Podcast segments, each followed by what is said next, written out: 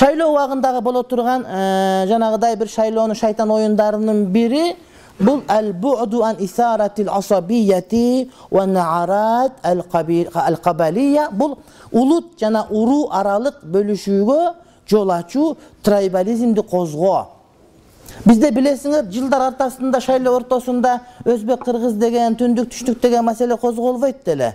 Бирок шайлоо учурунда ошол мынча пайыз өзбек калкынын добушун алыш керек же мен түндүк болуп түндүктөн алышым керек же мен түштүктөн алышым керек деп адамдарды региондорго улут аралык уруу аралык бөлгөн биздин саясатчыларыбыз болот адатта ушулар бөлүшөт башкалар молдолор бөлбөйт мисалы үчүн. Бирок молдолордун дагы саясатчы болуп кеткендери бөлгөнгө аракет кылгандары бар бул таптакыр туура эмес маселе мисалы үчүн эгерде ошол шайлоо астында улут улутка уруу урууга жердешчиликке трайбализмге карап адамдарды бөлө турган ушинтип бөлүнө турган болсо мына ушул дагы чоң арам иш болуп эсептелет. Мынтип шайлоого баргандан көрө барбай эле койгон жакшыраак болот. Мен сен тараптык эмесминби келгиле мен ушул тараптан болгон үчүн тиги тарап мындай экен деген сөздөрдү барган сайын көп угуп атабыз ал эмес. Гезит бетинде башка бир жерлерде бул жак мындай жыттанып кетти тигиндей жыттанып кетти деп эл сыйлаган аксакалдар дагы адамдарды бөлгөндөрүн угуп көрүп атабыз мына ушул абийирсиздик мына ушул шермендечилик мына ушул уятсыздык маселе бул жөнүндө хадистерде кандай айтылынган пайгамбарыбыз алейхисалам айтат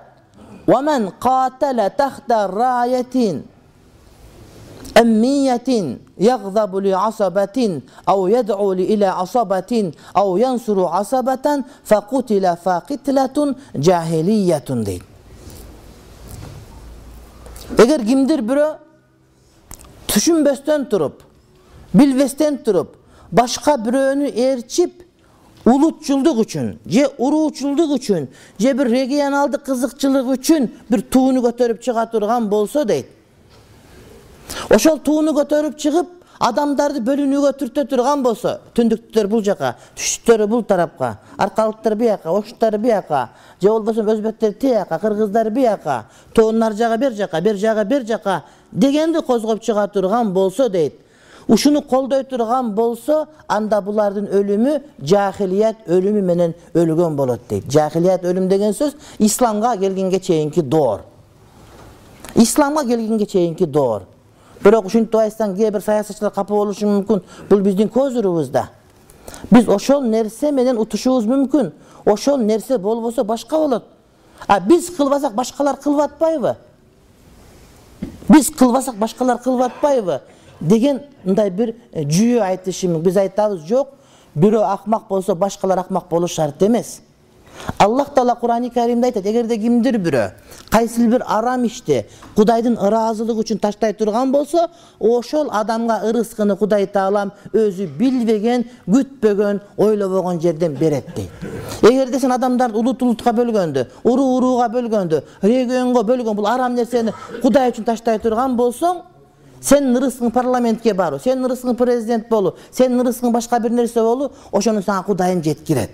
Болгону кудай үчүн таштаганды билиш керек сөз жүзүндө баардыгы адилеттүү бирок ич жүзүндө бөлүнүп аткан болсо булардын кылып аткандары арам болуп эсептелет. Ошон үчүн келгиле урматтуу бир туугандар күн убактылуу дүнүйө убактылуу дүнүйө. Ошон үчүн кудай үчүн таштап туруп ошол арам нерсени адал жол менен кыймылдай турган болсок кудай таалам өзү күтпөгөн жерден биз күтпөгөн жерден да кудай таалам билип турат баардыгын ошентип коет.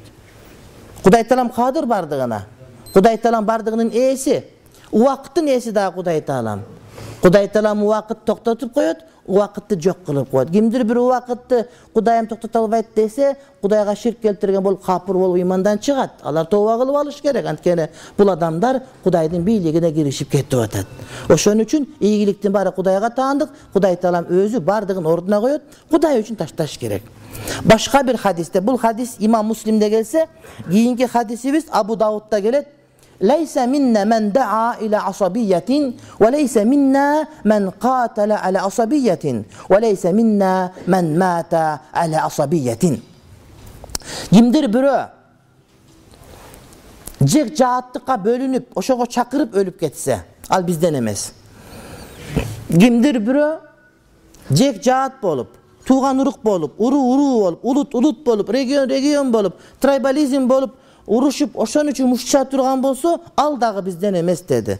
Ошондой эле жүрөгүндө ошентип элди бөлгөн түшүнүк болуп ошондой бир ынаным ишеними болуп өлүп кетсе ал дагы ошол бизден эмес деп пайгамбар ачык эле айтып өтүп кетти.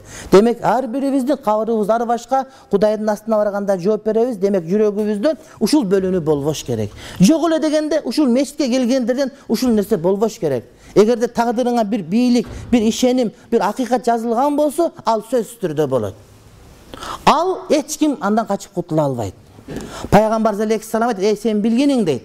Эгерде сенин маңдайыңа бир жакшылык бир оомат бир неамат жазылган болсо дүнүйөнүн баардыгы чогулуп асмандагысы жердегиси көзү көгү көзү сарысы денеси карасы денеси кимиси гана биригип бири бирине жардам берип аракет кылып ошол кудай жазган жакшылык сенден алып койгонго аракет кылса алардын колдорунан келбейт дейт кудайым сактасын. Эгерде сага кудай таалам жамандык каалап эгерде сага бир жамандык жаза турган болсо эгер сенин башыңа бир балеке жаза турган болсо бир сыноо жаза турган болсо дүнүйөнүн баардыгы сенин регионуң эмес сенин эл журтуң эмес дүнүйөнүн баардыгы ошол аляскадан баштап кайра тегереп аляскага келгенге чейинки шаардын баардыгы асман жердегенин баардыгы периштелер баардыгы кошулуп алып туруп сага жардам бергиси келсе келе турган бале баары бир келет дейт. Ошон үчүн кудайдан калбаш керек урматтуу бир туугандар. Кудайга карап ниет түзөп амалыңы түздөй берсең кудай ийгиликти берет. Кээ бир адамдар бар. Шарият арам кылган нерсени арам экендигин билет бирок сыртынан амал кылгандай болуп ичинен ошону каалап турат. Эгерде бир адам хадисте айтылынат бир бийликти талап кылып мен ошону алат элем дей турган болсо ошону алса ага кудайдын жардамы болбойт. Ошол адамга өзү жүктөлөт дейт. Ал эми бир адам өзү каалабаса бирок адамдар аны сунуш кылса сен ушундай болсоң болот эле десе анда ошол адам кудайдын жардамы болот дейт. Болуптур аманатты алдың. Кийин кудайдын жардамы болбосо иштегениң бир тыйын болот. Күнүгө кыйынчылык күнүгө кыйынчылык сенин доорунда жер титирейт сенин доорунда кургакчылык болот сенин доорунда кошуналардан согуш чыгат бир оору чыгат. Ошентип олтуруп канчалык акыл эстүү кыйын болсоң дагы баленин үстүнө бале баленин үстүнө бале келе берет. Кудайдын колдоосу сенден кетип калат. Эгерде кудайым колдоп турган болсо уйларың баары эгизден тууп жылкыларың эгизден тууп сууң ашып көбөйүп мисалы үчүн. Элиңин баары пейли ток болуп митингге деле чыкпай башка деле болбой ырыс кыйры болбой жакшынакай болуп кете берет ошон үчүн кудайдын колдоосу кудайдын каалоосу кудайдын ыраазылыгын биринчи орунга баардыгыбыз коюшубуз керек. Ошон үчүн шайлоо өнөктүгүндө башка өнөктүктө арам жолдон алыс болушубуз керек. Барбы эмес бар. Бирок арам жолго барба добуш сатып алба элди аркалык э, оштукка түндүк түштүккө бөлбө элди өзбек кыргызга бөлбө бирөөнү ашыкча жамандаба жок жерден. Өзүңү жалганда мактаба болгону болгондой айт аракет кыла турган болсоң иншалла кудай таалам. Сага жакшылык берет урматтуу бир тууганым пайгамбарыбыздын убагында бул бухариде келген хадис бир адамдар улутка бөлүнүшүп урушуп атты силер мындайсыңар биз мындайбыз деп башка бир риваяттарда урууга бөлүнүп алып эмне силер бул уурудансыңар биз бул ууруданбыз силер саяк биз сарбагыш деп эмне бөлүнүп атканын көрүп пайгамбарыбыз алейхисалам дауха фаиннаха мунтина аларды тим койгула булар сасык адамдар деди. Булардан жыт келип атат сасык булар. Алардын жанына жолобогула деп мына ушинтип осуят айтты